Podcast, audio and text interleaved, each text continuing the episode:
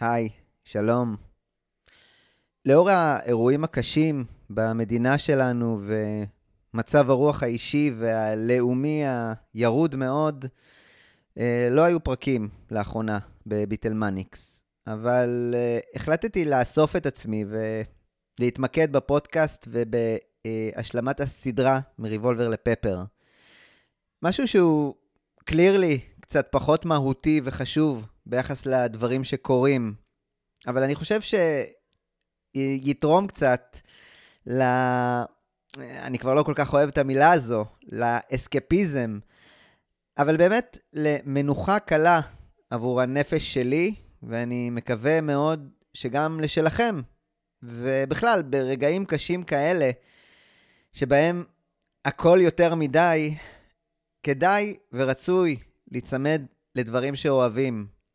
והביטלס והפודקאסט הזה הם בהחלט חלק מהדברים שאני מאוד אוהב בחיי. אז הנה, הפתיח שאני, בכל מקרה, מאוד התגעגעתי לשמוע. RM11.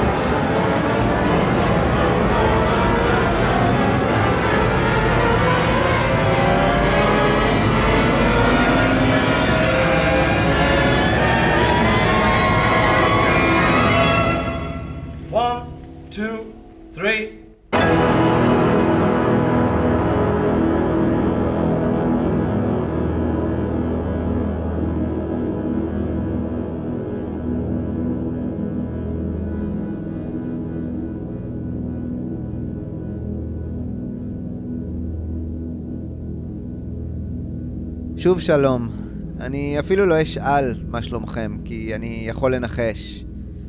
אתם מאזינים לפודקאסט ביטלמניקס, אה, לי קוראים אורי קואז, ואנחנו בפרק ה-90 בפודקאסט הזה, שמדבר כל כולו על להקת הביטלס. את הפרק הזה אני רוצה להקדיש לכל הנפגעים והחללים שלנו במלחמה הזו, שנמשכת ברגעים אלה ממש. ואני מאחל כל טוב לכולנו, ושנראה ימים טובים בהרבה יותר. ואם צריך לחבר את התקופה שאני מדבר עליה אה, בפרק הזה, בזמן שהביטלס עומדים להוציא את האלבום סארג'נט פפר בתחילת יוני 1967, בישראל באותה תקופה התחוללה מלחמת ששת הימים. הדיסוננס הזה שבין אהבה ושלום ומוזיקה ותמימות לבין מלחמה. הפרק הזה והפרק הבא בפודקאסט יסגרו סופית את הסדרה מריבולבר לפפר, כי בכל זאת, הגיע הזמן. ובשני הפרקים הללו אני אתמקד בתקופת פוסט ההקלטות לאלבום סארג'נט פפר. כי קורה אה, בתקופה הזאת תהליך מאוד מעניין שהתחלתי לדבר עליו כבר בפרק הקודם. הן בגישה הפרויקטלית של הלהקה, בהובלת מקארטני, והן במוזיקה שזונחת את החשיבות העצמית המנופחת של פפר, ומשתנה להיות משהו קצת יותר חפיפניקי, אם אפשר לקרוא לזה ככה. אבל כזה שעדיין מחזיק בתוכו את הניסיוניות של פפר וריבולבר, אבל גם רחוק שנות אור מהם. בפרק הקודם דיברתי על צילום העטיפה הגרנדיוזית אה, מיד בסיום ההקלטות, אה, ועל המסע של מקארטני לארצות הברית, שממנו הוא חזר עם רעיון חדש לגמרי עבור הביטלס. אה, הרעיון שלו היה סרט קצר שיעשה מחווה למסעות המסתוריים שהיו נהוגים באנגליה, ה mystery tours, שחברי הלהקה הכירו מהילדות, שבהם אוטובוס היה יוצא מנקודה מסוימת, כשהנוסעים לא ידעו לאן הוא יגיע. את הקונספט הזה, כמו את Penny uh, Lane ועוד חזרות לילדות שתקפו את uh, ג'ון ופול בתקופה הזו, הוא uh, ערבב עם הפסיכדליה שאותה הוא למד במהלך ההקלטות לפפר, וגיבש פרויקט שיכלול סרט קצר, שאת התסריט שלו יכתבו חברי הלהקה. סרט שילווה בשירים חדשים שהם יקליטו. את שיר הנושא ל Magical Mystery Tour הוא כבר שירבט בדרך חזרה לאנגליה. פרויקט נוסף בדמות הסרט השלישי של הביטלס, אה, גם הוא היה ברקע בתקופה הזו של אפריל 1967. הביטלס לא רצו להשתתף יותר בסרט live action בנוסח אה, שני הסרטים הראשונים שלהם, וגם ככה תסריט מספק לא היה להם. הרעיון לעשות סרט אנימציה באורך מלא אה, פתר המון בעיות לבריין אפשטיין. הסרט קיבל באופן טבעי את הטייטל של שיר הילדים Yellow Submarine, וחברת יונייטד ארטיסט, אה, שהביטלס היו חייבים אה, לספק לה עוד סרט על פי החוזה, ביקשה עוד שלושה שירים חדשים לפחות עבור הסרט הזה. השיר הראשון שהושלם לאחר תקופת פפר אה, היה Only a Northern Song של אה, ג'ורג' הריסון, שקיבל טיפול שהפך אותו משיר טרוניה אישי של הריסון על מצבו העסקי בביטלס, לשיר פסיכדלי, חולמני, פפרי, נוסח לנון ומקארטני. מקארטני לא יכל להתאפק עם פרויקט ה Magical Mystery Tour שלו, וגרר את הלהקה להקליט את שיר הנושא הלא גמור שלו. כשהוא uh, התגבש בעצם באולפן, ושמענו את העדות של הנטר דייוויס מההקלטות הכאוטיות הללו. הקטע הזה הושם בצד עד חודש ספטמבר, כשהביטלס החלו לעבוד על שאר השירים עבור הסרט Magical Mystery Tour. עכשיו, בפרק החדש, נראה מה הביטלס עושים בתקופה הזו של סוף אפריל עד יציאת האלבום פפר בתחילת יוני. כשכרגע שני פרויקטים נמצאים על הפרק כדי בעצם להחזיק את הלהקה הזו עומדת על הרגליים. בואו נתחיל.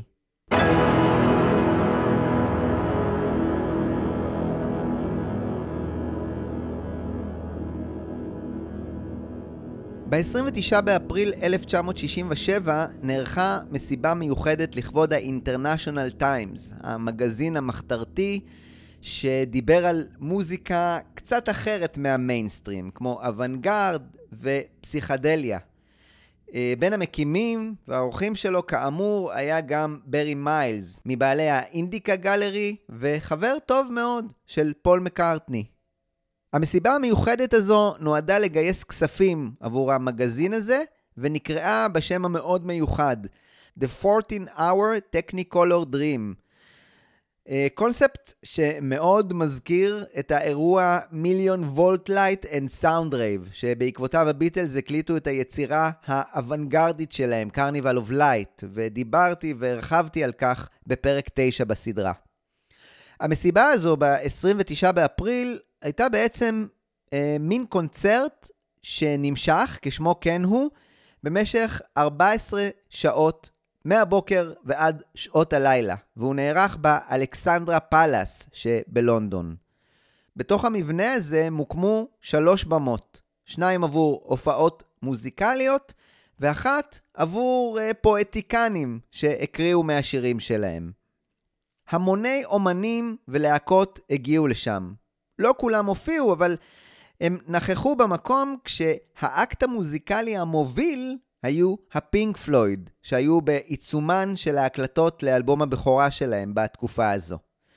עוד שמות מוכרים אה, שהיו שם היו ה-Pretty Things, פיט טאוזנד, סופט מאשין, איש הבלוז אלכסיס קורנר, ועוד המון שמות והרכבים שנבעו מהקליקה הפסיכדלית שהלכה והתהוותה בלונדון. אה, היא הלכה והתהוותה בעקבות אמריקה, והאירוע הזה מסמן גם את תחילת תנועת ההיפים וה-Peace and Love בלונדון, שגם הם כבר היו בעיצומן באמריקה. האירוע הזה אגב תועד בין היתר בסרט שנקרא Tonight Let's All Make Love in London, אה, סרט שסקר את התופעה הרחבה הזו של הסווינגינג לונדון ב-1967. גם אומנית אוונגרד, שכבר דיברתי עליה בסדרה הזו בשם יוקו אונו, השתתפה באירוע הזה. יוקו בעצם עברה לגור בלונדון בספטמבר 1966 עם אה, משפחתה, לאור העסקים או התערוכות שהיא קידמה שם בלונדון. ההגעה שלה לאירוע הזה הייתה חלק מניסיון להשתלב בקליקת האומנות בעיר.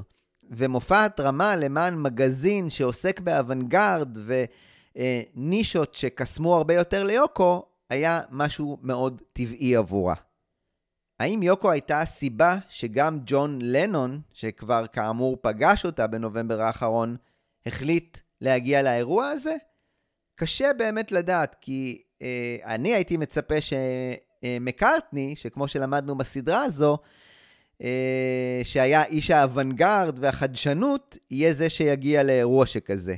אבל לא, ג'ון היה זה שהתלווה לחבר ואיש האינדיקה ג'ון דונבר, והגיע יחד איתו לאירוע הזה. לא כאומן, אלא כצופה.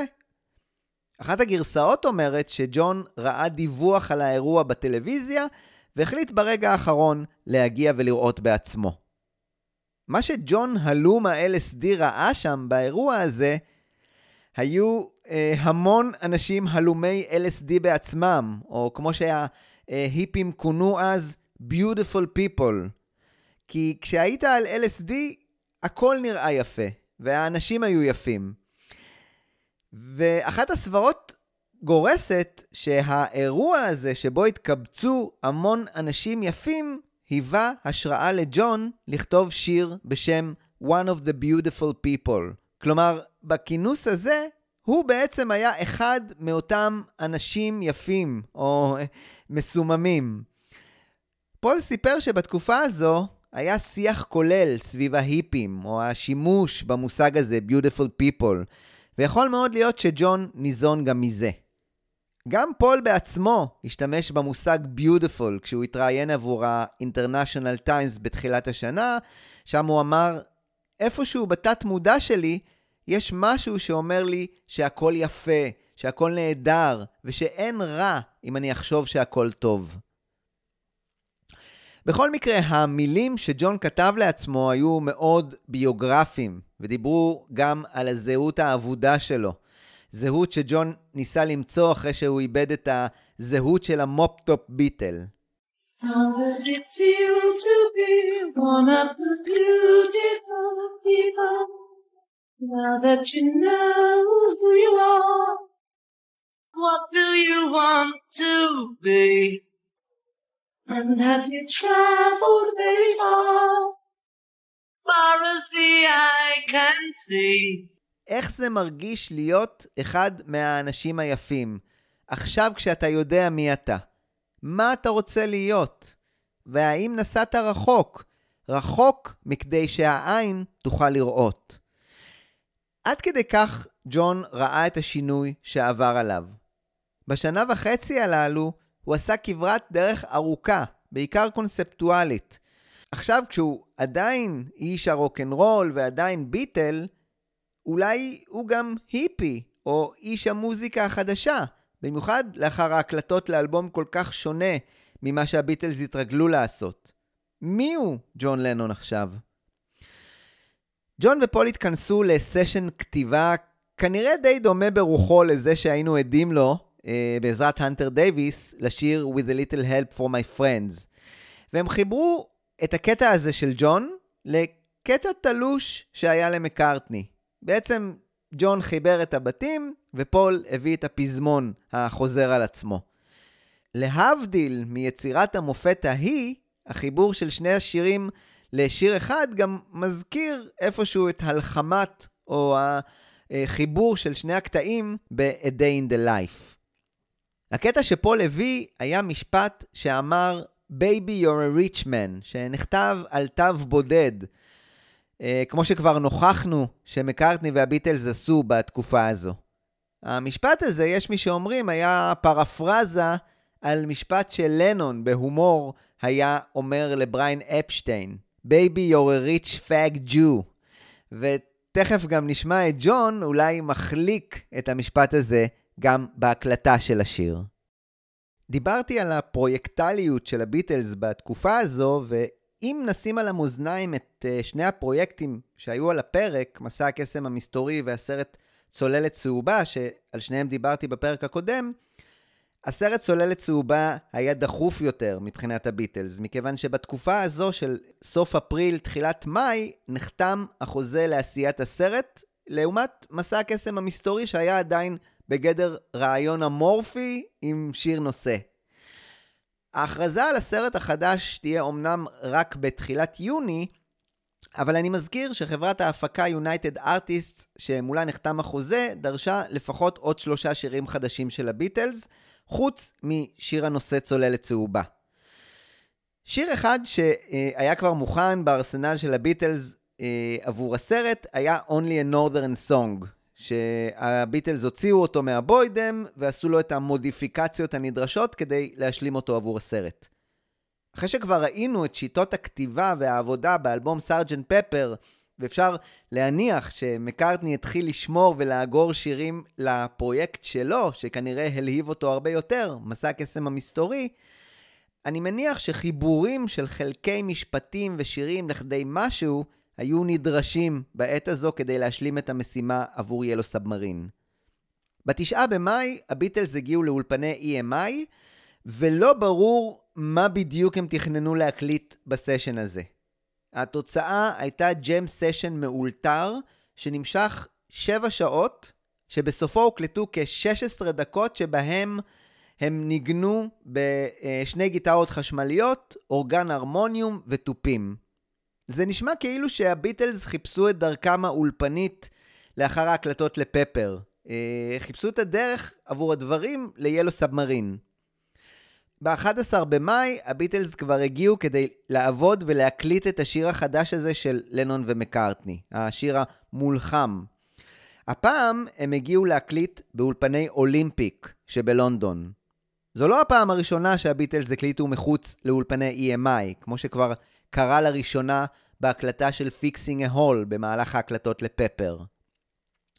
אחרי התקדים הזה, זה היה מאוד קל יחסית עבורם לעבור ולהקליט באולפן אחר, במיוחד אחרי שהם הקליטו באולפן הקופסתי ריג'נט סאונד. אולפני אולימפיק היו ההפך הגמור מאולפני ריג'נט סאונד. הם היו גולת הכותרת מבחינה טכנולוגית, אה, לפעמים אפילו יותר מאולפני EMI. אה, למשל, הם כבר השתמשו במכונות הקלטה של שמונה ערוצים, לעומת EMI שהיו עדיין מקובעים על מכונות של ארבעה ערוצים. ג'ף אמריק סימן את ההקלטה הזו באולימפיק ככזו שפרצה את הגבול מבחינת הביטלס ושממנו הם החלו הרבה יותר לצאת ולהקליט באולפנים אחרים. הוא גם נתן רמזים שהפעם, בניגוד למקרה של Fixing a Hole, שבו האולפנים ב-EMI לא היו זמינים עבורם, הפעם זה היה מבחירה. הביטלס קצת קצו באולפני EMI ובקיבעון ובפרוטוקוליות ובחוסר הנוחות מבחינת ה-facilities שהיה להם שם. אני אזכיר שאת ריבולבר הביטלס תכננו בכלל להקליט באולפני סטאקס בארצות הברית. ובין השורות אני יכול להבין שהביטלס, אחרי ההקלטה של פפר הגרנדיוזי, בחנו האם יש עוד גבולות אולפניים לפרוץ, ולעשות את זה באולפנים שהם cutting edge, יותר מאולפני EMI. וזה נשמע כמו משהו הגיוני לעשות בתקופה הזו שאחרי פפר. מי שליוו את הביטלס בהקלטה הזו באולפני אולימפיק היו ג'ורג' מרטין, יחד עם טכנאי הסאונד האגדיים של אולימפיק, כית גרנט ואדי קרמר, שליוו את ההקלטה הזו ביום הזה, שהייתה בעצם הראשונה שהיא לגמרי לגמרי הייתה עבור הסרט ילו סאבמרין, ולא אולי, כמו ב-Only a Northern Song. באחת ההקלטות המהירות ביותר של הביטלס, הם הקליטו 12 ניסיונות של ה-backing track לשיר החדש שלהם, a Rich Man, כשג'ון על הפסנתר, פול על הבאס, ג'ורג' בחשמלית ורינגו בתופים. על גבי take 12, ג'ון הקליט את הקול הראשי שלו, שהוכפל יחד עם פול וג'ורג', ששרו קולות רקע, כולל הקריצה של ג'ון לאמרה שלו לגבי בריין אפשטיין. כית גרנט ואדי קרמר, טכנאי הסאונד, מאוד התרשמו מהקול של ג'ון, ולא האמינו שמישהו יכול לשיר ככה.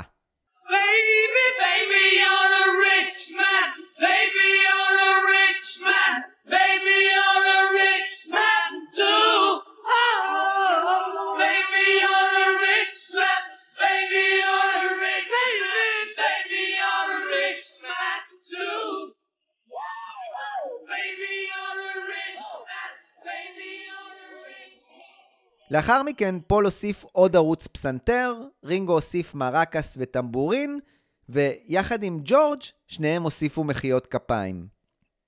את נקישות הוויברפון, אותו הקסילופון עם קלידי האלומיניום שבקושי נשמעים בתוצאה הסופית, הוסיף טכנאי הסאונד אדי קרמר.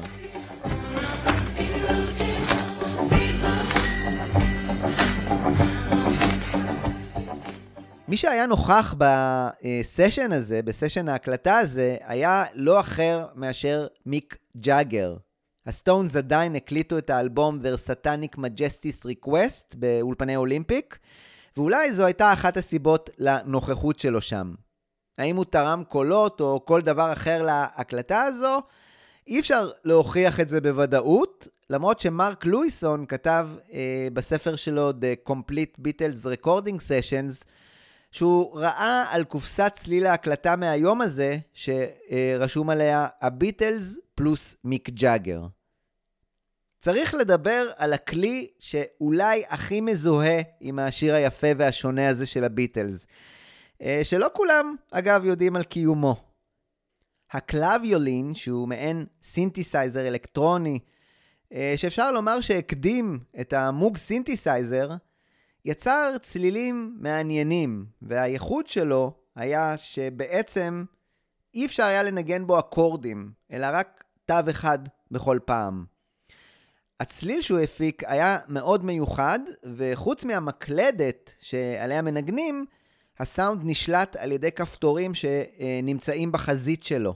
כל כפתור יצר סאונד מתוך מעגל חשמלי אחר, מה שגרם לצלילים מיוחדים להיווצר, וליכולת לשנות את הצלילים תוך כדי הנגינה, ולהוסיף אלמנטים כמו ויברטו. הכלי הזה הומצא כבר בשנות ה-50 על ידי טכנאי סאונד צרפתי בשם קונסטנט מרטין, ונעשה בו שימוש לאורך השנים במספר שירים במוזיקה הפופולרית. אה, למשל הטורנדוז, שהשתמשו בו בנעימה שלהם טלסטאר מ-1962, או דוגמה יפה וטובה עוד יותר, דל שנון, שהשתמש בו ב-Runaway, שראה אור ב-1961, אה, שיר שמעברי האקורדים בו מאוד השפיעו על לנון לכתוב את I'll be back. ב-Runaway של אה, דל שנון יש סולו קלאביולין מאוד מאוד יפה.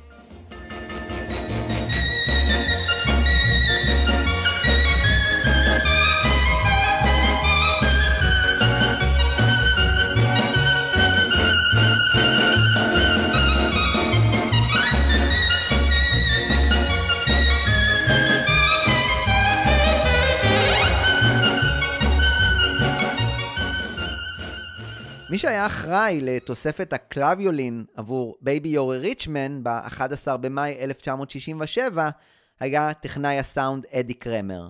ככה הוא סיפר. רצינו לוודא שהביטלס יצאו מאולפני אולימפיק כשהראש שלהם מפוצץ. הכוונה להרשים אותם. במקרה היה קלאביולין באולפן, וג'ון ניגן בו. זה היה כלי אלקטרוני צרפתי עם מקלדת קטנה.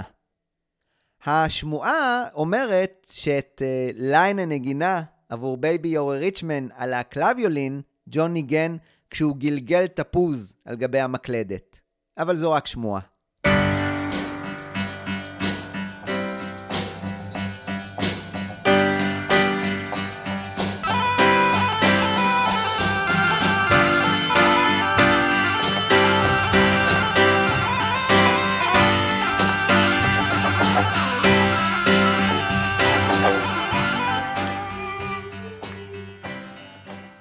כבר בסשן הזה, באולפני אולימפיק, הטכנאי כית גרנט עשה את מיקס המונו עבור השיר הזה.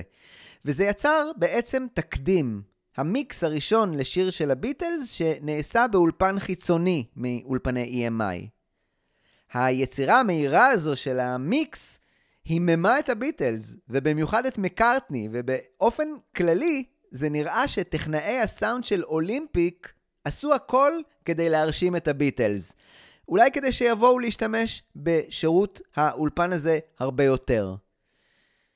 בדרך כלל, אה, הקלטה חיצונית יצרה עבודות תיקון לטכנאי הסאונד של EMI, אבל הפעם ג'ף אמריק הודה שהמיקס היה מושלם ולא היה צורך בשום תיקון. השיר הזה הוא באמת אחד המיוחדים של הביטלס בעיניי. יש בו סממן מאוד ייחודי לתקופה הזו שהביטלס נמצאים בה. רגל פה ורגל שם. ניסיוניות ושטותניקיות שהם מתאחדים להם יחדיו. אה, ביוגרפיות ומילים חסרות משמעות באותו השיר. לדעתי גם הביטלס מאוד חיבבו אותו, ובפרק הבא נראה שהוא קיבל עוד תפקיד חוץ משיר עבור הסרט ילו סאבמרין.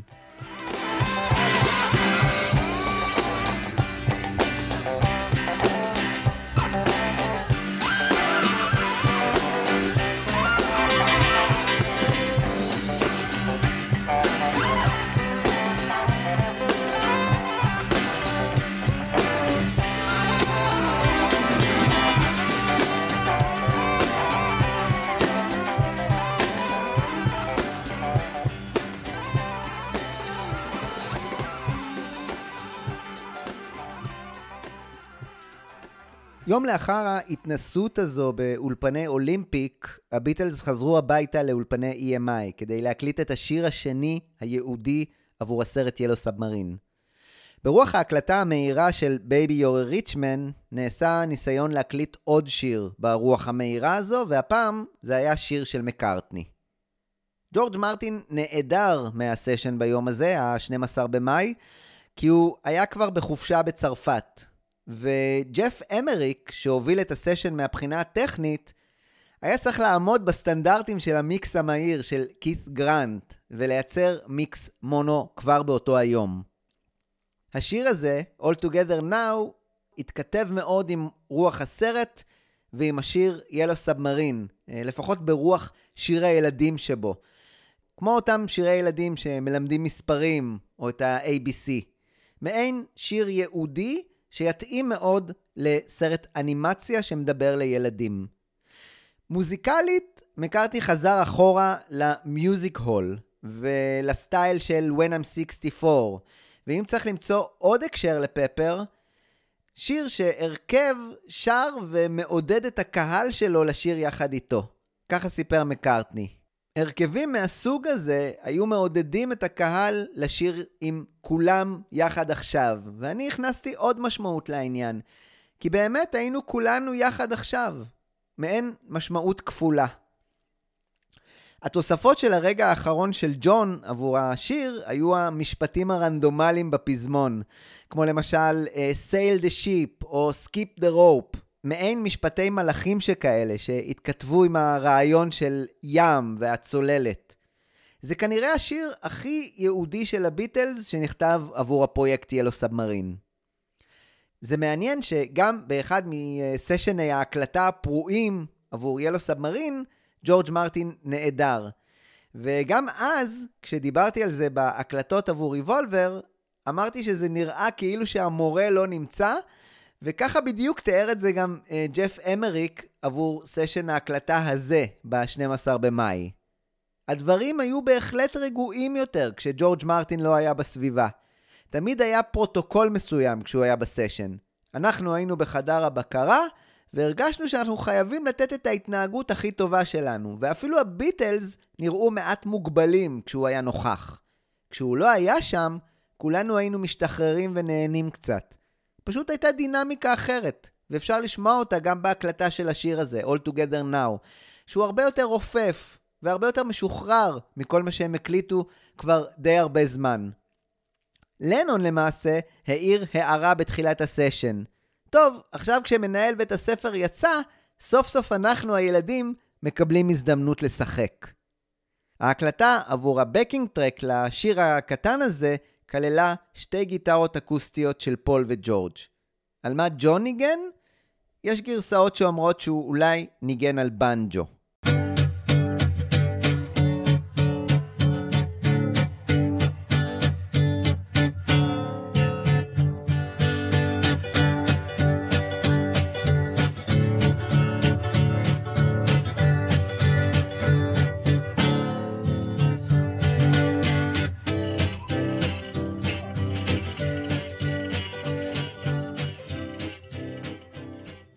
לאחר תשעה ניסיונות, מקארטני הקליט את הבאס על גבי ה backing track, וג'ון חזר לכלי שהתחיל הכל בסינגל הראשון של הביטלס, המפוחית.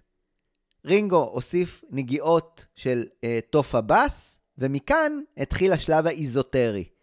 כל כלי שנראה שיכול לתרום הובא לאולפן. ממשולש ועד ליוקללי, מצילות אצבע קטנות וצפצפה.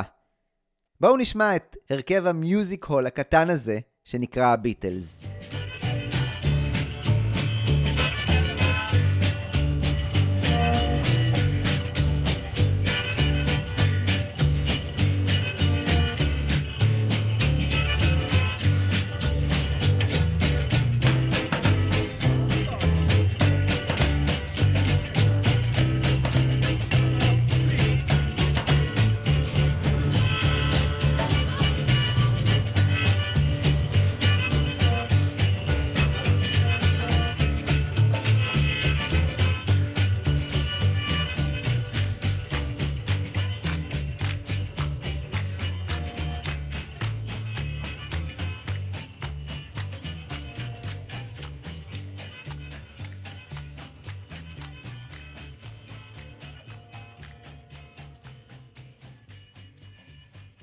פול הקליט את הקול הראשי, וג'ון ופול הצטרפו בפזמון, כשאת הברידג' מוביל לנון. A, B, C, D. Can I bring my friend tea? E, F, G, H, I, J. I love you. Boom, boom, boom, boom, boom. Sail the ship. Boom, boom, boom. Chop the tree. Boom, boom, boom. Skip the rope. Boom, boom, boom. Look at me. All together now. All together now. All together now. All together now. All together now. All together now. All together now. All together now. בסופו של דבר, הם צירפו את ניל אספינל ואת מל אבנס, ושרו כולם ביחד כמקהלה את הפזמון החוזר, כולל מחיאות כפיים וקולות עידוד. אני אישית לא ספרתי, אבל מרק לואיסון כתב בספר שלו ששרים את השורה הזאת All Together Now אה, בשיר משהו כמו 50 פעמים. תנסו לספור. All together now. All together now. All together now. All together now. All together now. All together now. All together now. All together now. All together now. All together now. All together now. All together now. All together now. All together now. All together now. All together now. All together now. All together now. All together now. All together. All together now.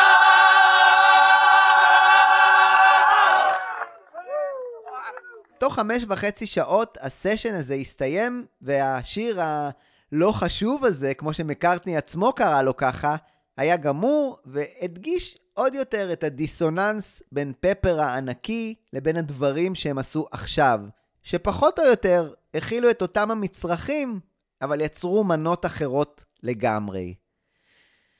ובכל זאת, זה שיר קטן וחמוד של הביטלס, שאם אני לא טועה, אפילו הדודאים עשו לו איזו גרסה בארץ.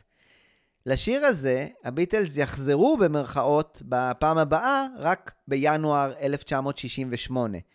אה, זאת אומרת, קצת יותר מחצי שנה, כשהם הצטלמו עבור הסצנה היחידה בסרט, ב-Yellow Submarine, שבה הם מופיעים בעצמם. סצנה שסוגרת את הסרט ומציגה את המשפט All Together Now בכל מיני שפות, אה, כולל בעברית. Look at John, will ya? What's the matter, John Love? Blue meanies? Newer and bluer meanies have been sighted within the vicinity of this theatre. There's only one way to go out. How's that? Singing! One, two, three, ah!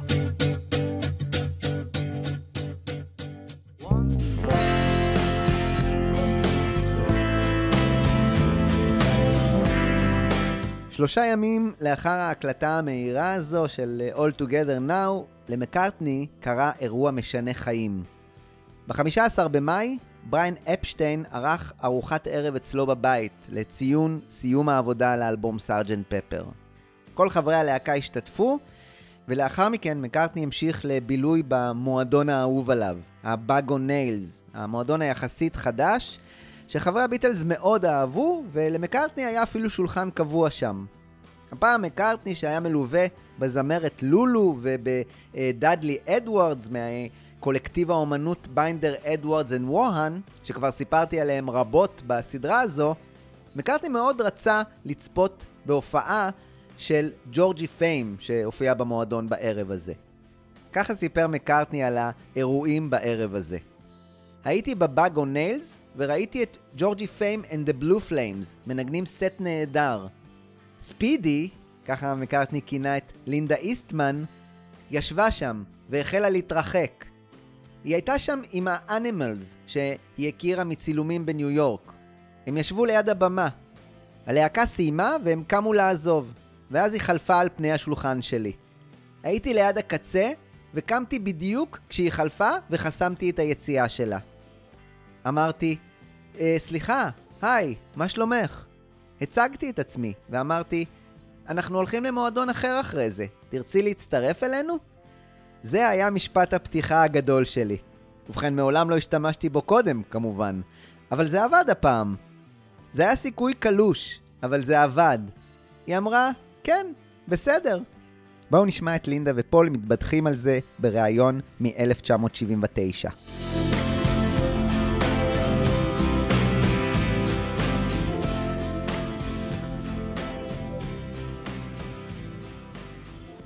I was in London on a photographic assignment. Down at a club, I went to see Georgie Fame and the Blue Flames, who's a British group. And Paul was down there. Were you not? And I picked her up. You picked me up just like that. Simple as that, Tom. Very But I romantic. love uh, you coming down to speak, you know. Just, yeah, there we are. Never look back. Like many young people meet.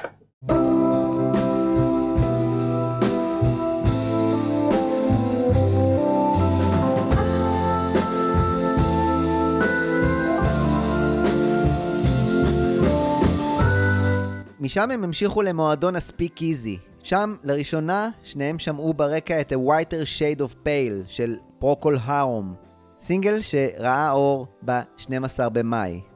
אחרי שהם הקפיצו את אה, דאדלי אדוארדס לביתו, לינדה התארחה אצל פול בבית. לינדה מאוד מצאה חן בעיני פול, והוא רצה מאוד לראות אותה שוב.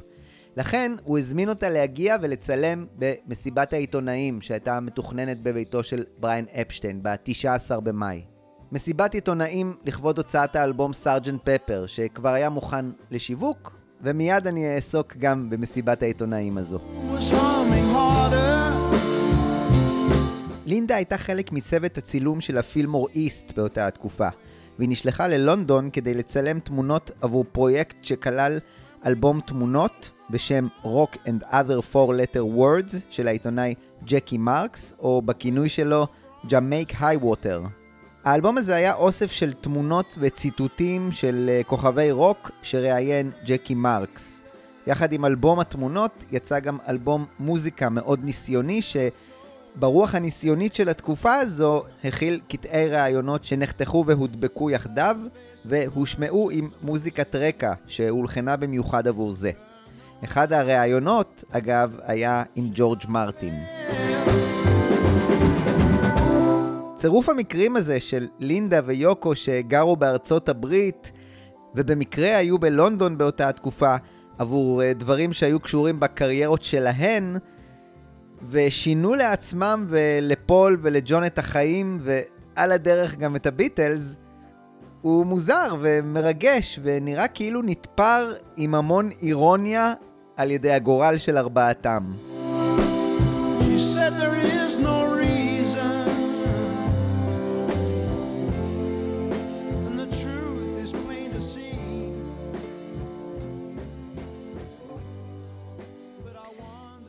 בתקופה הזו וגם קודם, ג'ון המשיך ועשה בחדר המוזיקה שלו, אה, בבית, ניסיונות שונים ומשונים.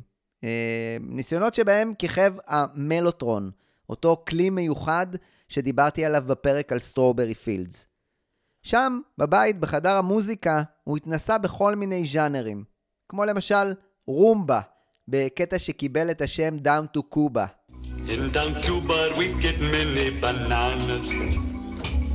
We get the coffee too. We don't have many cigars cause we've sold them all.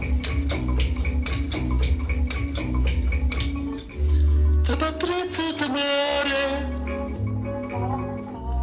e che impresa le mese signore non è chi ci manere a delle mere signore non riesmicio kakala malaya galo mazabelle resni rabagloy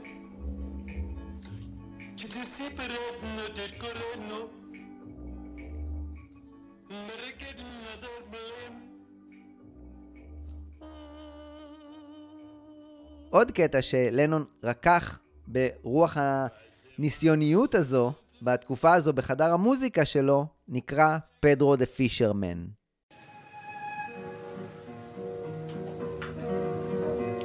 I'm Pedro the fisherman, I fish by night and day.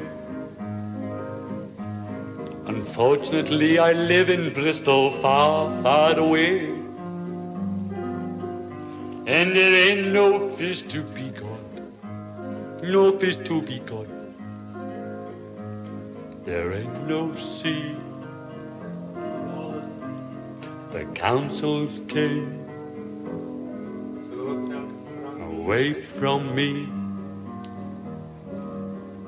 I'm Pedro the fisherman, with not a fish to fash. I've got the hook and the line, Big Mac, a big hat, some socks, and a pair of Wellingtons, and a bit of wire. המכנה המשותף, אה, חוץ מהנופח הלטיני, הוא שאין באמת היגיון בליריקות, בקטעים האלה. ואלה סתם גיבובי משפטים שיוצרים מעין אווירה, ומצביעים על סוג של מגמה, שבה ג'ון אולי התחיל לחשוב על האוונגרד, או על מוזיקה אבסטרקטית יותר כמשהו ולידי, משהו שאפשר לשלב אותו במוזיקה של הביטלס. או אולי אפילו כשלב הבא במוזיקה של הביטלס. אה, שלב שימשיך את הקו של Pantomime, אותו תקליטון Christmas מכונן שראה אור בסוף 1966. אני בטוח שלכם, הביטלמניקים, הקטעים הללו מחדר המוזיקה של לנון מאוד מזכירים קטע אחר של הביטלס, קטע שדווקא ראה אור רשמית. אמנם רק ב-1970 ואומנם רק כבי-סייד של הסינגל האחרון של הביטלס, אבל אני מתכוון לקטע שנקרא You know my name. ובאמת הקטע הזה, שגם הוא אחד מהניסיונות של ג'ון בתקופה הזו, כן הצליח להגיע לאולפן ב-17 במאי 1967. על כתיבת הקטע הזה, ג'ון סיפר ככה: חיכיתי לפול בבית שלו. הוא עשה שיחת טלפון, וראיתי שספר הטלפונים נמצא על גבי הפסנתר. היה כתוב עליו משהו כמו, אתה יודע את השם? חפש את המספר. זה היה מין סלוגן כזה, שפשוט שיניתי אותו. זה עמד להיות שיר מסוג הפורטופס, עם שינויי אקורדים שכאלה, אבל הוא אף פעם לא התפתח, ופשוט עשינו מזה צחוק. רק כדי לדייק, הסלוגן על גבי ספר הטלפונים של חברת הטלפונים אמר You have their names, look up the number. יש לך את שמם, חפש את המספר. לגבי הפורטופס שג'ון הזכיר, הם היו הרכב דו-וופ שחור מוטאוני. ואני לא יודע בדיוק לומר למה ג'ון התכוון, כי התוצאה הסופית אה, לא כל כך מזכירה אותם, אבל יכול להיות שהוא דיבר על משהו מאוד ספציפי באחד השירים שלהם. ההמתנה הזו של ג'ון לפול בבית שלו בקוונדיש כנראה התרחשה בתחילת מאי, והיא הייתה קשורה לסרט ילו סאבמרין. היה צריך לכתוב שירים, ולכן הם המשיכו להיפגש ולנסות ולהעלות דברים יחדיו. את המשפט הזה שג'ון כתב, You know my name, look up the number, הוא לקח לחדר המוזיקה שלו וניסה לעשות איתו משהו, צריך לומר, ללא הצלחה יתרה.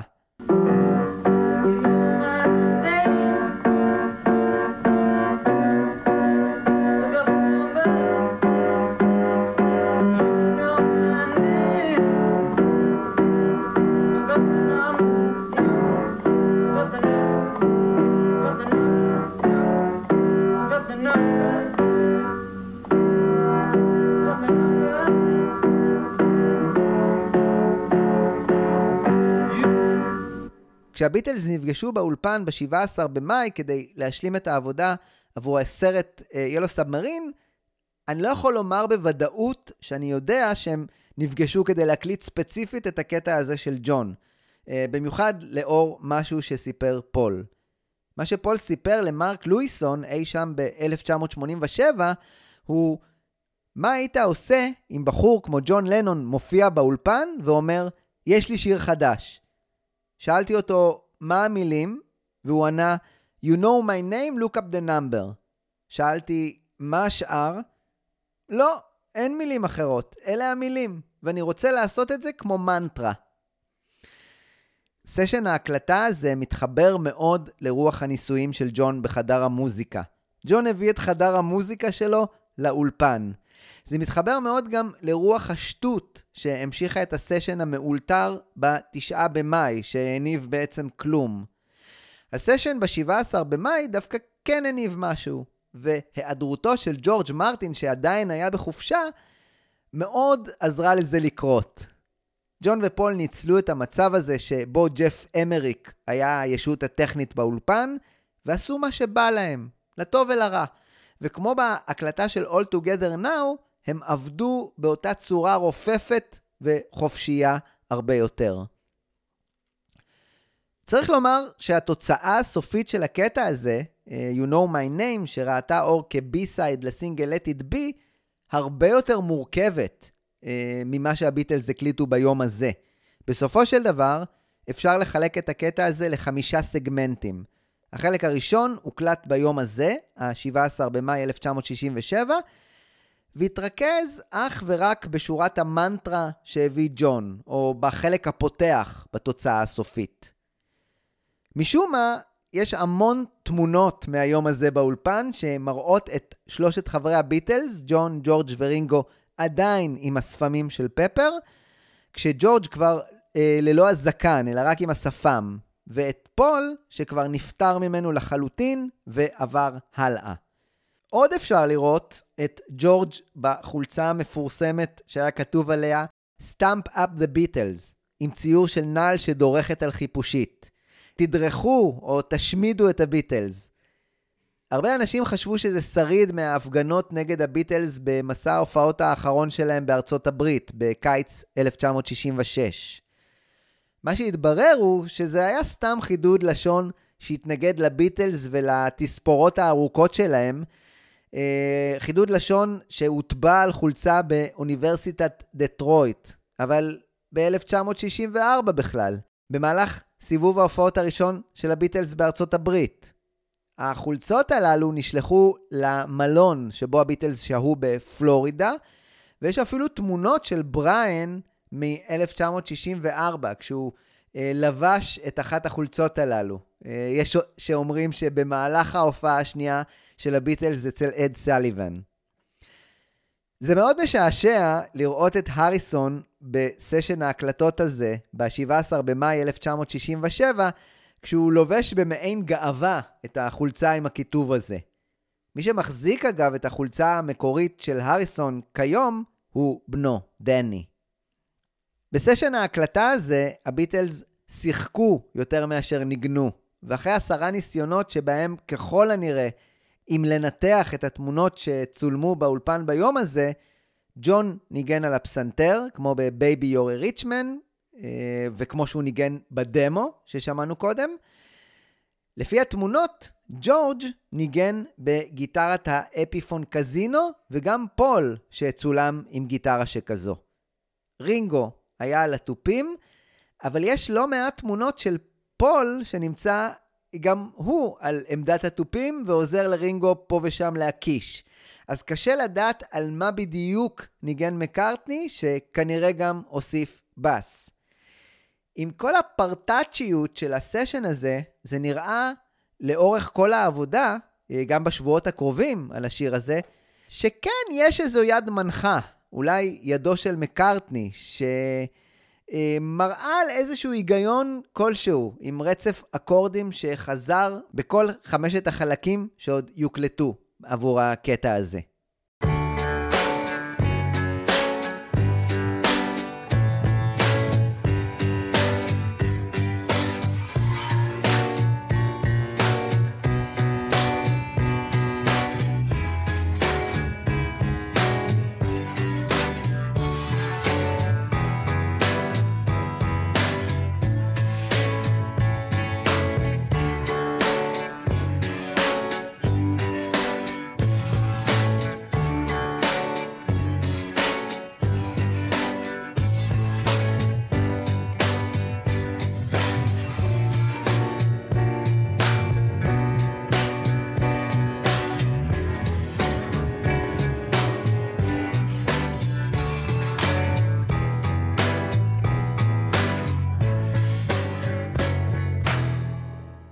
דיברתי על הגישה הפרויקטלית של הביטלס, וב-18 במאי, יום לאחר הסשן המוזר הזה על החלק הראשון של You know my name, נחתם חוזה לפרויקט נוסף. השתתפות של הביטלס במשדר לווייני טלוויזיוני חוצה עולם, שעבורו הביטלס יצטרכו לכתוב שיר חדש ולהקליט אותו בשידור חי. מתי בדיוק בריין עדכן את הביטלס על החדשות שה-BBC מתעניינים בהם עבור הפרויקט הזה? לא ממש ידוע. ג'ף אמריק סיפר שאולי זה היה בסשנים האחרונים של פפר, ואולי זה היה בסשנים הללו, עבור Yellow Submarine. ככה סיפר ג'ף אמריק. בריין נכנס בדרמטיות והכריז, boys, יש לי חדשות פנטסטיות ביותר. אוזניהם של כולם התחדדו. בריין שתק כדי לשוות לאירוע דרמטיות יתר. נבחרתם לייצג את אנגליה בתוכנית טלוויזיה אשר בפעם הראשונה אי פעם תועבר בלייב ברחבי העולם באמצעות לוויין. ה-BBC רוצים לצלם אתכם מקליטים באולפן. הוא הביט סביבו בציפייה, אך לדאבונו, תגובת הלהקה הייתה פיהוק. רינגו נע בעצבנות בצידו האחורי של החדר, מת לחזור למשחק השחמט ששיחק עם ניל אספינל, ג'ורג' המשיך לכוון את הגיטרה שלו, ג'ון ופול החליפו ביניהם מבט ריק. פול לא נראה כל כך מעוניין. אני משער שהוא היה בראש בפינישים לפפר. בחוסר התלהבות ניכר, ג'ון אמר לבסוף, בסדר, אני אעשה משהו בשביל זה. בריין ממש התרגז מהתגובה שלהם. אתם לא מתרגשים? אתם לא מבינים מה זה אומר? אין לכם מושג כמה עבודה קשה ומאמץ השקעתי בעסקה הזו. לנו נכנס לדבריו וקטע אותו. בריאן, זו התגובה על זה שאתה מחייב אותנו לעשות משהו בלי לשאול אותנו קודם. בריאן נראה קרוב לדמעות ויצא מהאולפן בטריקת דלת. מהדיבורים שהיו אחרי שהוא הלך, הבנתי שהביטלס ראו זו כהפרה בוטה של כוונתם המוצהרת שלא לבצע מופעים חיים שוב. יותר מכך, הם התרעמו על העובדה שהמנהל שלהם הציג להם את זה כעובדה מוגמרת. הם היו בנקודה שבה הם רצו להשתלט על הקריירה שלהם. אז הביטלס ידעו על העניין, אבל לא הפנימו עדיין. בכל זאת, היה את פרויקט ילו סאבמרין לסיים. החוזה מול ה-BBC נחתם, והתאריך המיועד להופעה בתוכנית הטלוויזיה הלוויינית נקבע ל-25 ביוני. ב-19 במאי נערכה מסיבת עיתונאים לכבוד ההשקה של האלבום החדש של הביטלס, סארג'נט פפר. המסיבה הזו נערכה בביתו של בריין אפשטיין ברחוב צ'אפל 24 שבלונדון. עיתונאים וצלמים הגיעו למסיבה הזו, וביניהם, כאמור, לינדה איסטמן, שהוזמנה על ידי פול. בכל זאת, ההזמנה הזו הייתה צריכה לעבור בצינורות המקובלים, דרך בריין, ולינדה נבחנה כמו כל צלם שהוזמן לשם. ככה היא סיפרה. הבאתי את תיק העבודות שלי למשרד של בריין והשארתי אותו אצל העוזר שלו, פיטר בראון. פיטר חזר אליי ואמר שבריין אהב את תיק העבודות שלי והזמין אותי להשקת העיתונות של פפר בביתו. פיטר גם אמר לי שבריין מעוניין לרכוש עותקים של שתיים מהתמונות שלי, אחת של קית' מון ואחת של בריין ג'ונס. אז הלכתי להשקת העיתונות, שבה סרג'נט פפר הושמע בפעם הראשונה לתקשורת, כדי לצלם את התמונות הראשונות שלי של הביטלס. בגלל שהייתי כל כך רגילה לעבוד אך ורק בתמונות בשחור ולבן, לא היה איתי שום סרט צילום צבעוני, והלוויתי אחד מצלם אחר. בסופו של דבר, מכרתי את פס צבעוני של הביטלס מהמפגש הזה ב-100 דולר, וחשבתי שהנה, עשיתי את זה. ככה סיפר פיטר בראון על המפגש עם לינדה. הבחורה שהופיעה ברחוב צ'אפל באותו 19 במאי, לא הייתה אותה אחת בלבוש מרושל שראיתי במשרד שלי כמה ימים לפני כן. שערה הבלונדיני המבריק סופר, נשטף וסורק. היא הייתה מאופרת ללא דופי, כולל ריסים מלאכותיים ארוכים ומתנפנפים. היא הייתה לבושה בז'קט פסים עם חצאית קצרה שהראתה את רגליה הארוכות. היא החזיקה את הניקון שלה מולה והשתמשה בה באגרסיביות, והתעסקה המון בעדשה שלה. אחת התמונות היפות של הביטלס שלינדה צילמה במסיבה הזו הייתה של ג'ון ופול לוחצים ידיים כשהם עומדים במרכז הבית של בריין ליד האח ומציגים לראווה את האלבום החדש שלהם. ככה סיפר פול על התמונה הזו. אחד הדברים הגדולים בלינדה היה שהיא ידעה מתי ללחוץ על הכפתור של המצלמה. הצלמים שהיא העריצה היו אנשים שקיבלו את הרגעים האלה. ווקר אבנס, הנרי קרטיה ברסון, לרטיג, שמה שהם עשו היה סוג של דיווח, שלמעשה עבר להיות אומנות. לכידת שבריר של שנייה. לינדה יכלה להרגיש אינסטינקטיבית רגע שקורה. זה מה שקרה כאן. ג'ון ואני פנינו אחד לשני בהומור. שלום בחור, מה שלומך? נעים להכיר אותך, נעים מאוד. היא תפסה את ג'ון המתבדח, אותי צוחק אליו, ואת ג'ורג' ורינגו במבט אוהב. תמונה שהראתה ותפסה את מערכת היחסים בין כולנו. במסיבה הזו הביטלס השיקו גם את המראה החדש שלהם, והגיעו לבושים בבגדים וז'קטים צבעוניים שונים מאוד אחד מהשני, כששלושת הביטלס, ג'ון, ג'ורג' ורינגו, היו עדיין עם השפמים שלהם, חוץ מפול. צריך לומר שבתמונות משם, ממסיבת העיתונאים הזו, אפשר לראות שפול מעט מרוחק ולא שייך. אולי זה היה קשור לנוכחות של לינדה שם, שריגשה אותו. ישנן כמה תמונות שצילם צלם אחר, שבהם רואים את פול ולינדה מסתודדים בצד ומשוחחים, כשלינדה מצלמת אותו ישוב על אה, כיסא או ספה בביתו של בריאן. אחת התמונות הללו שצילמה לינדה את פול, הגיעה לשער של מגזין פיפל בסוף השנה. ככה הוסיף על זה פיטר בראון. לא עבר זמן רב עד שהתמקדה בפול. פול ישב על כיסא ליד האח בטרקלין, לבוש במכנסי פסים וז'קט אפור ומפוספס, מעשן בעצבנות סיגריות. הוא התבונן איך לינדה כורעת על ברכיה מול הכיסא, והחלה לצלם תמונות שלו. למרות שהיא ניסתה להישאר, היא עזבה עם כל שאר הצלמים. ברגע זה הביטלס עדיין לא ממש הפנימו ולא עשו שום דבר כדי לקדם את הפרויקט השלישי החדש הזה שלהם והדי לחוץ בזמנים. הם המשיכו בשלהם, והסשן הבא היה ב-7 ביוני, והוא המשיך את העבודה על You Know My Name המוזר. ג'ורג' מרטין כבר חזר מהחופשה שלו, וג'ף אמריק סיפר שהגישה שלו הייתה, אם אתה לא יכול להביס אותם, אז תצטרף אליהם. ג'ורג' מרטין רק ביקש להשתמש ב backing track של טייק 9 במקום טייק 10, שהוא חשב שהיה טוב יותר. על גבי טייק 9 התווספו התוספות הביזריות. מישהו הוסיף חליל, מישהו אחר מחיאות כפיים, האחר נגיעות על הסנר, והוקלטו גם קולות שחוזרות על המנטרה של ג'ון. You know my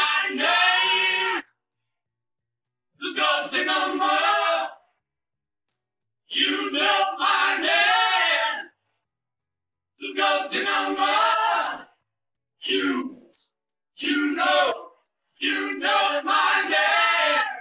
You, you know, you know my name. התוצאה הזו הונחה בצד, ואז הביטלס, שכל הזמן התנסו, שברו שיאי ביזאר והגיעו למשהו כמו 20 דקות מוקלטות שקשה היה לעשות איתם משהו.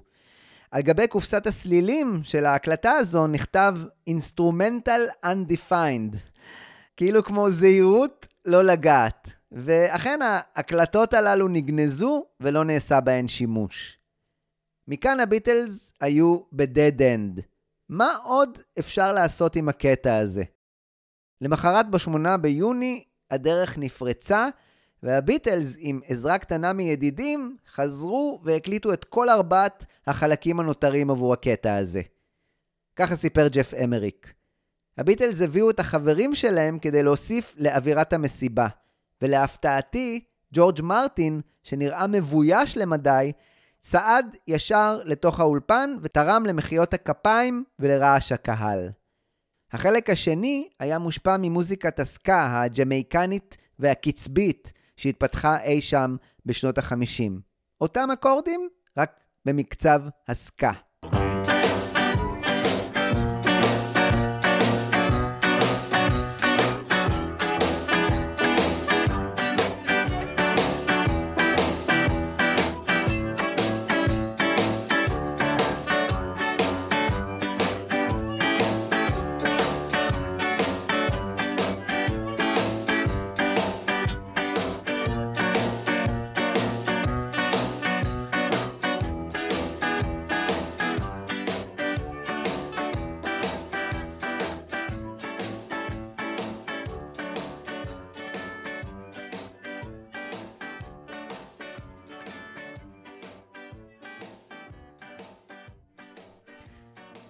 גם אווירת מועדון הלילה הלטיני, בחלק השלישי של הקטע, הוקלטה ביום הזה.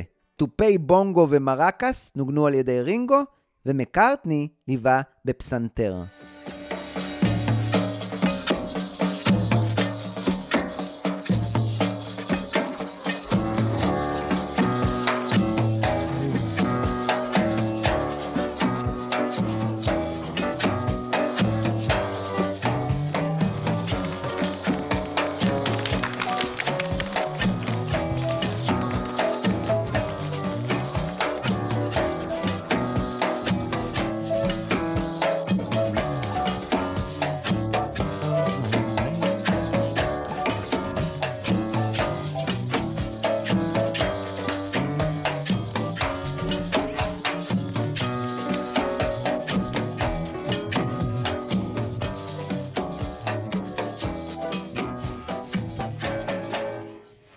החלק הרביעי היה החלק הקומי הקצר. פול חזר על pattern קומי בפסנתר, וסביבו התווספו כל מיני אפקטים מוזרים, כמו אה, קולות קוקיית שעון.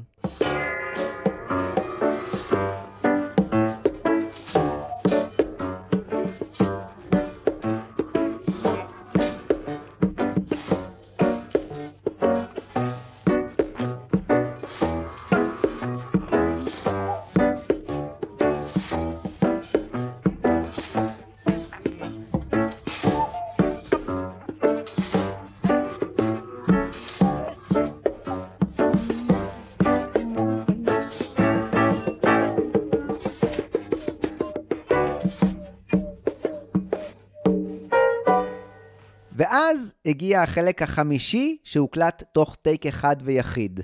הביטלס הפכו להרכב ג'אז קטן, כשפול ניגן בפסנתר, ג'ון ככל הנראה על גיטרת הבאס, ג'ורג' ניגן על הוויברפון, שמופיע ממש בסופו של החלק החמישי, ורינגו בתופים.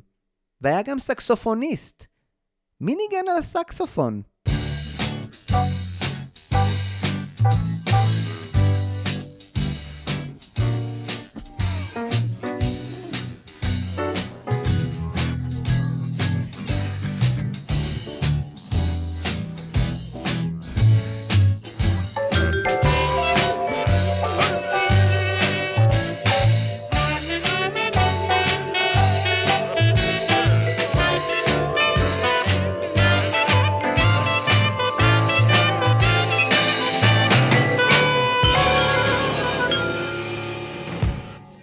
את קטע הסקסופון ניגן לא אחר מאשר אחד החברים שהוזמנו לאולפן ביום הזה, בריין ג'ונס מהרולינג סטונס. מקארתני טען שהוא זה שהזמין אותו להשתתף בסשן, ושהוא חשב שהוא יגיע עם גיטרה בכלל. הוא הגיע עם המעיל האפגני הגדול שלו, הוא היה עצבני וקצת לא בטוח בעצמו, וממש נרגש באותו הסשן, כי הוא השתתף בסשן של הביטלס.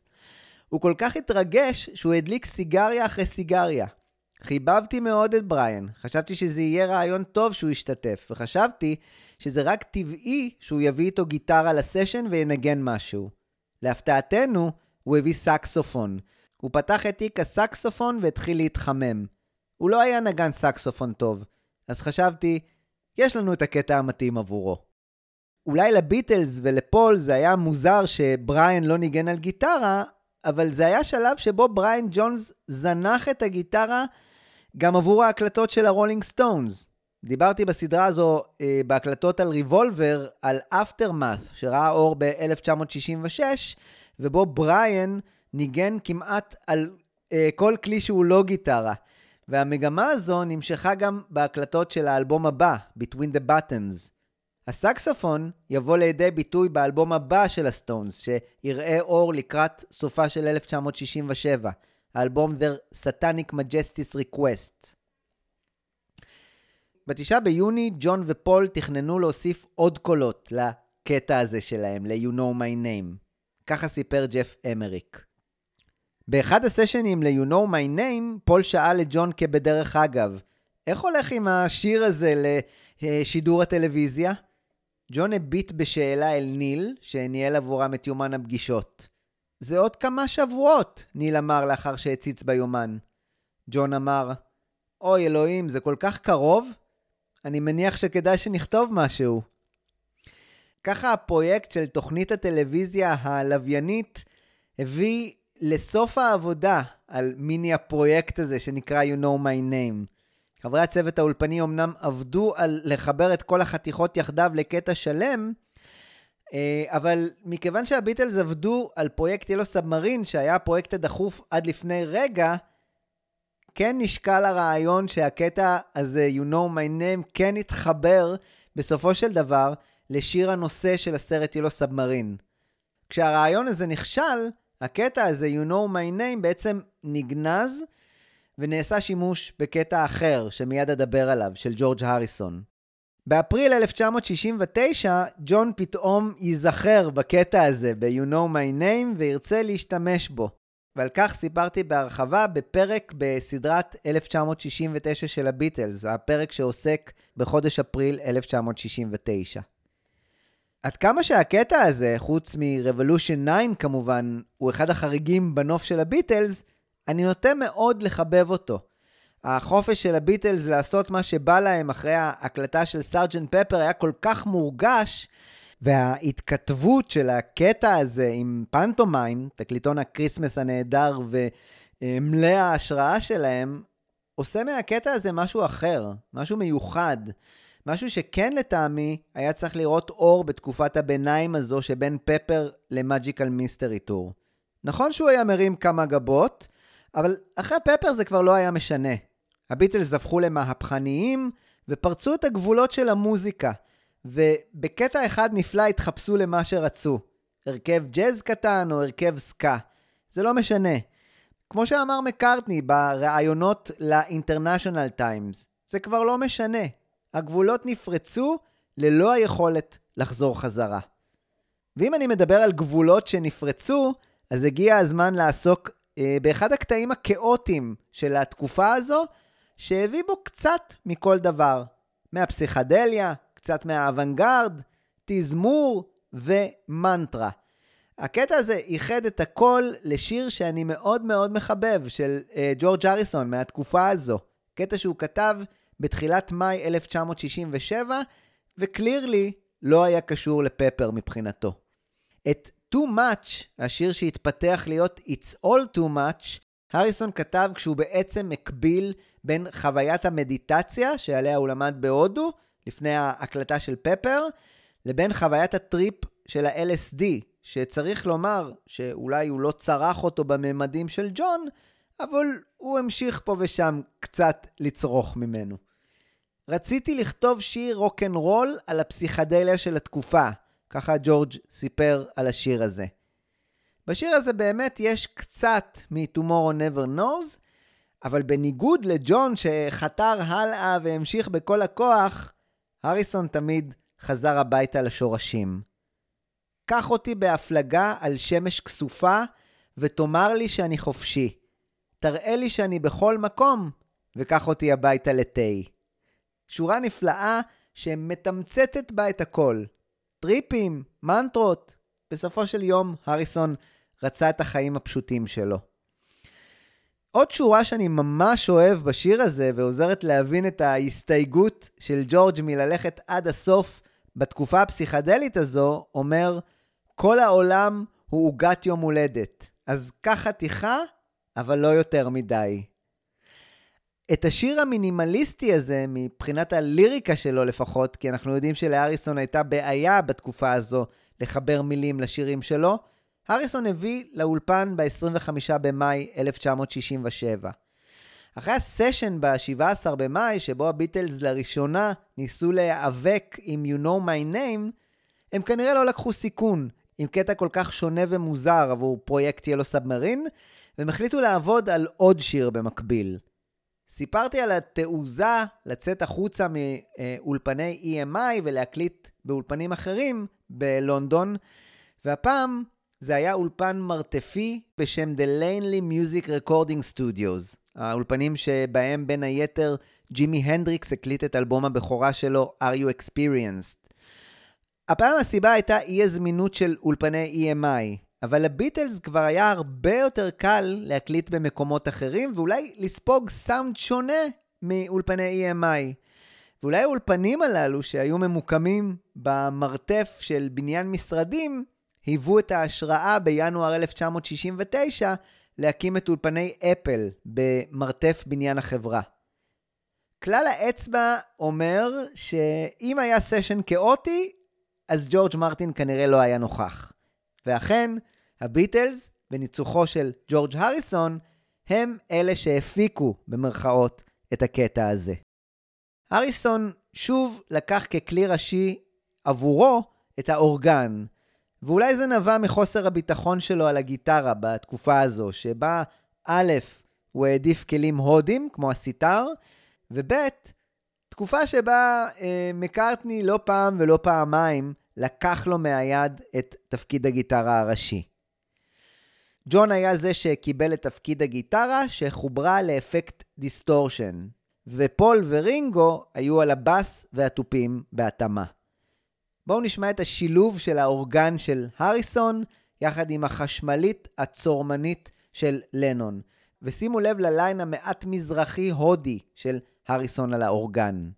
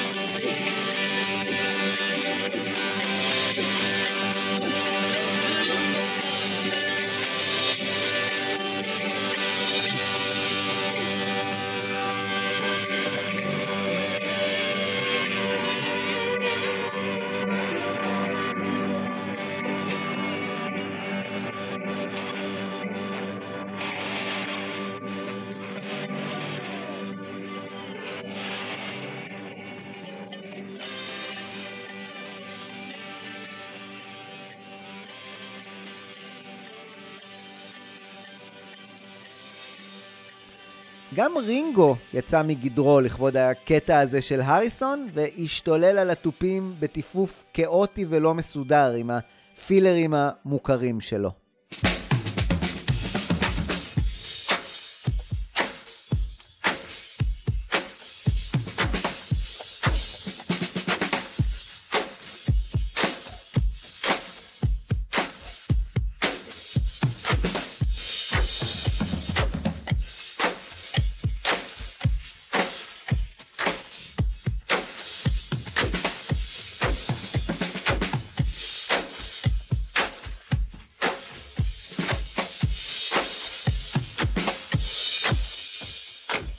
השיר הטרי הזה היה חדש לגמרי עבור כולם, ונדרשו לא מעט חזרות בניצוחו של הריסון, שלאחריהם הוקלטו ארבעה טייקים מוצלחים.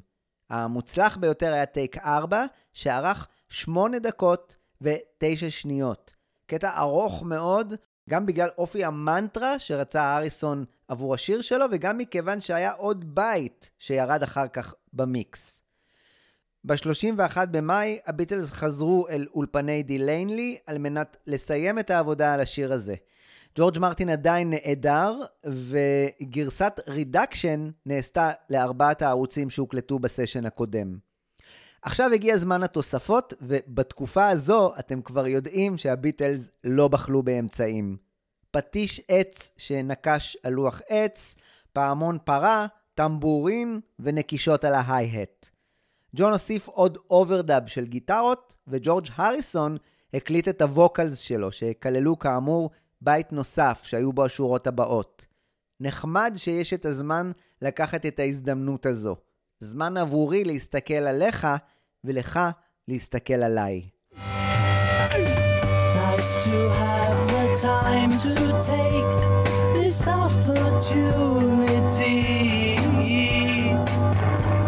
For me to look at you and you to look at me.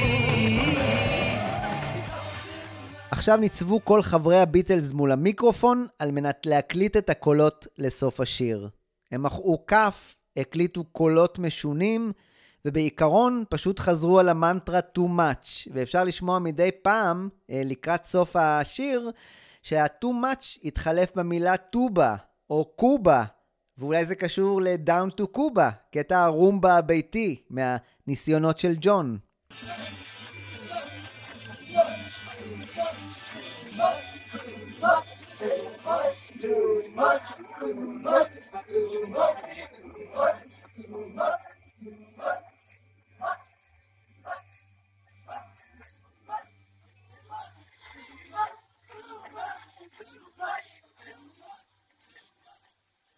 חלק מהליריקות שהקליט ג'ורג' בסשן הזה כללו מילים שהוא לווה משיר אחר.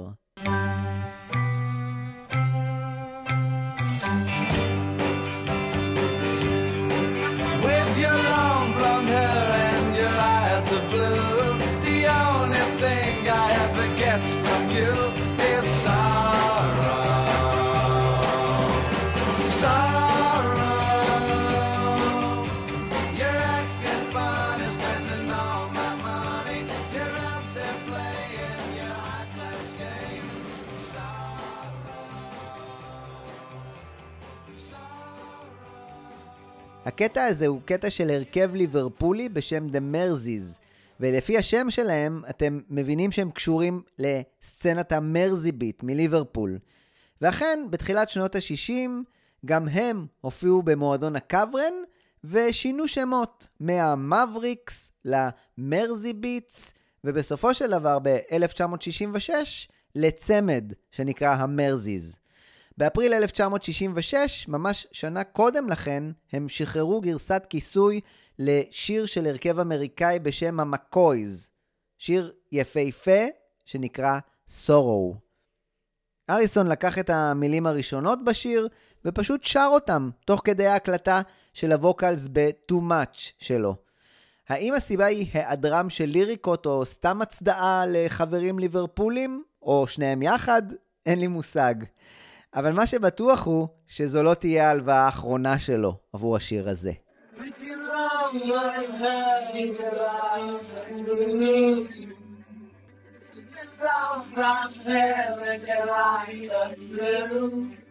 Your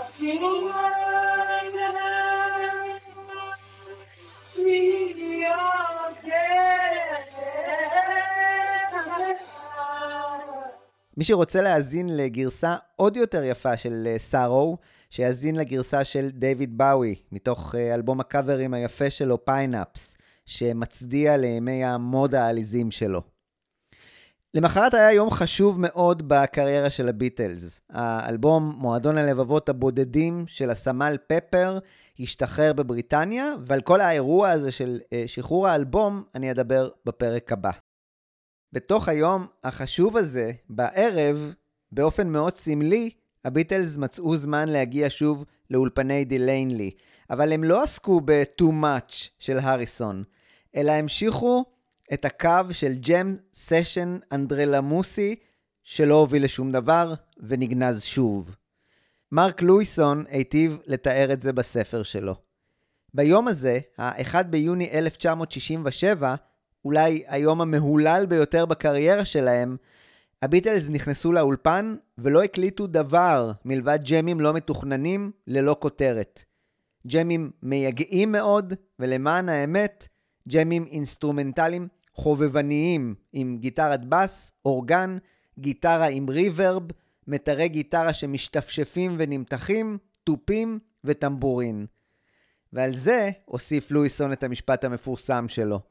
זה נראה שהכישרון הגדול שלהם ב Pepper לעת עתה נעלם. למחרת ב-2 ביוני, שוב הביטלס חזרו לאולפני De Lane Lea, והפעם במטרה ברורה לסיים את השיר של הריסון. הפעם היה נוכח גם ג'ורג' מרטין, מה שאמור לעזור למטרה הזו לקרות. ג'ורג' מרטין הביא לאולפן ביום הזה הרכב של כלי נשיפה, שמנה ארבעה נגני חצוצרה ונגן קלרינט בס אחד. שוב דיוויד מייסון, החצוצרן של Penny Lane, אה, A Day in the Life ו-Magical Mystery Tour, מצא את עצמו בסשן הקלטה עבור הביטלס. ככה סיפר מייסון שכבר היה חסר סבלנות לסשנים הללו, שבהם לא הייתה שום תוכנית סדורה מה להקליט. ג'ורג' הריסון היה אחראי על הסשן הזה. אני לא חושב שהוא באמת ידע מה הוא רוצה. רעיונות נזרקו לאוויר אה, לגבי מה אפשר להקליט אה, בהיעדר תזמור כתוב מראש, ואחד הרעיונות שעלו אה, היו או של מייסון, או שאולי של ג'ורג' הריסון. אה, והרעיון אמר לנגן קטע מתוך יצירה בשם המצעד של נסיך דנמרק. קטע שכתב ג'רמיה קלארק במאה ה-17. מה לג'ורג' הריסון וליצירה שכזו? אה, קשה לי לומר, אבל באופן אירוני, בדומה לתחושות של הריסון בביטלס, גם ג'רמיה היה מקופח ולא קיבל קרדיט על העבודה שלו. היצירה הזו שהוא כתב נחשבה שנים לקטע שכתב הנרי פרסל, מלחין אחר מהמאה ה-17, עד שהתגלתה הטעות ותוקן העוול. אולי יש לזה קשר. הנה קטע החצוצרות הנהדר מהיצירה המופלאה של ג'רמיה קלארק.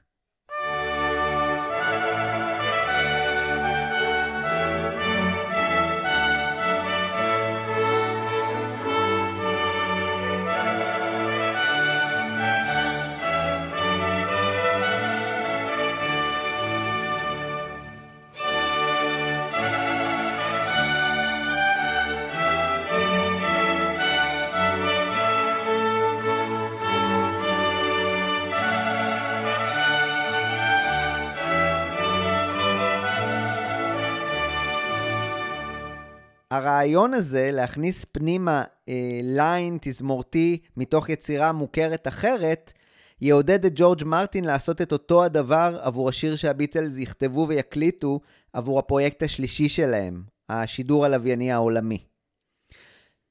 הסשן הזה ב-2 ביוני 1967 המשיך עד לפנות בוקר. חוץ מההקלטה של התזמור, המטרה הייתה להוסיף עוד אוברדאבים ועוד חלקי קולות וכלים. ובגדול, הסשן המשיך והתנהל כמו הג'ם סשן ביום האתמול. אנדרלמוסי, בלי קווים ברורים ומאוד כאוטי.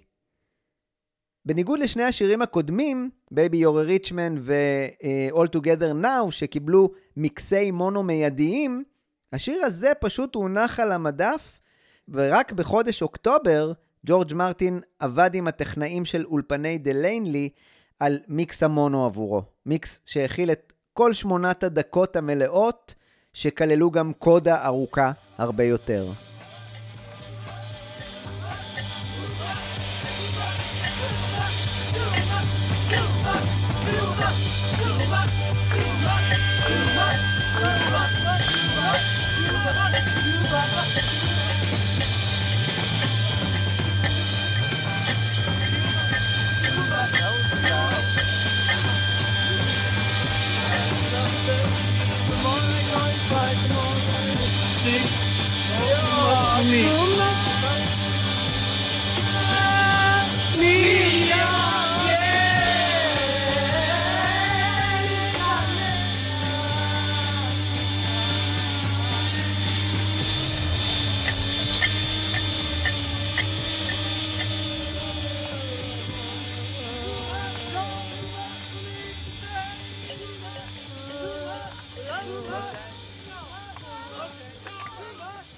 זה היה ברור שגרסה שכזו לא תתאים לסרט ילו סאבמרין, ושנה מאוחר יותר, באוקטובר 1968, הטכנאי קן סקוט מצא את הזמן בין המיקסים של האלבום הלבן כדי לייצר גרסה קצרה יותר. התוצאה היא כאמור קטע מאוד כאוטי, לא מהודק, שנשמע שלא הוקלט באולפני EMI המעונבים. קטע שנפתח עם קריאה לא ברורה של ג'ון שצועק משהו לא ברור כמו אה, to your mother, עובר לגיטרה מלאת דיסטורשן ומלאת פידבק, סאונד שהוא כל כך קונטרסטי לאותו פידבק קטן ועדין של אה, I feel fine. אין ספק שמשהו מג'ימי הנדריקס שהקליט באולפן הזה דבק בפידבק הזה.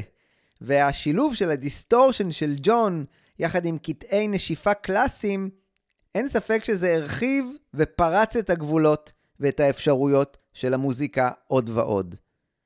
השיר הזה של אריסון זה קטע שאני מאוד מאוד מחבב בקטלוג של הביטלס, והוא רק מחזק את העובדה שזו תקופה סופר מעניינת של הלהקה הזו. תקופה שיכלה להניב את אחד האלבומים המעניינים ביותר, והמשך מדהים לאלבום פפר. אה, עם התוצרים של מסע הקסם המסתורי והתוצרים של התקופה הזו היו מתלכדים לכדי אלבום אחד. לטעמי זה היה אלבום שהיה מסכם יפה מאוד את התקופה הזו של פוסט פפר, ומסכם גם את תקופת המהפכנות הנפלאה והקצרה הזו של הביטלס.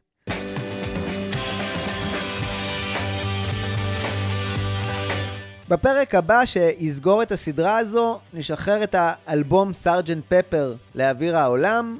אני אעסוק בפרויקט השלישי של הביטלס, פרויקט שכל מה שאתה צריך בו הוא אהבה, ונסגור יפה יפה, ובאופן די טרגי, את הסדרה מריבולבר לפפר.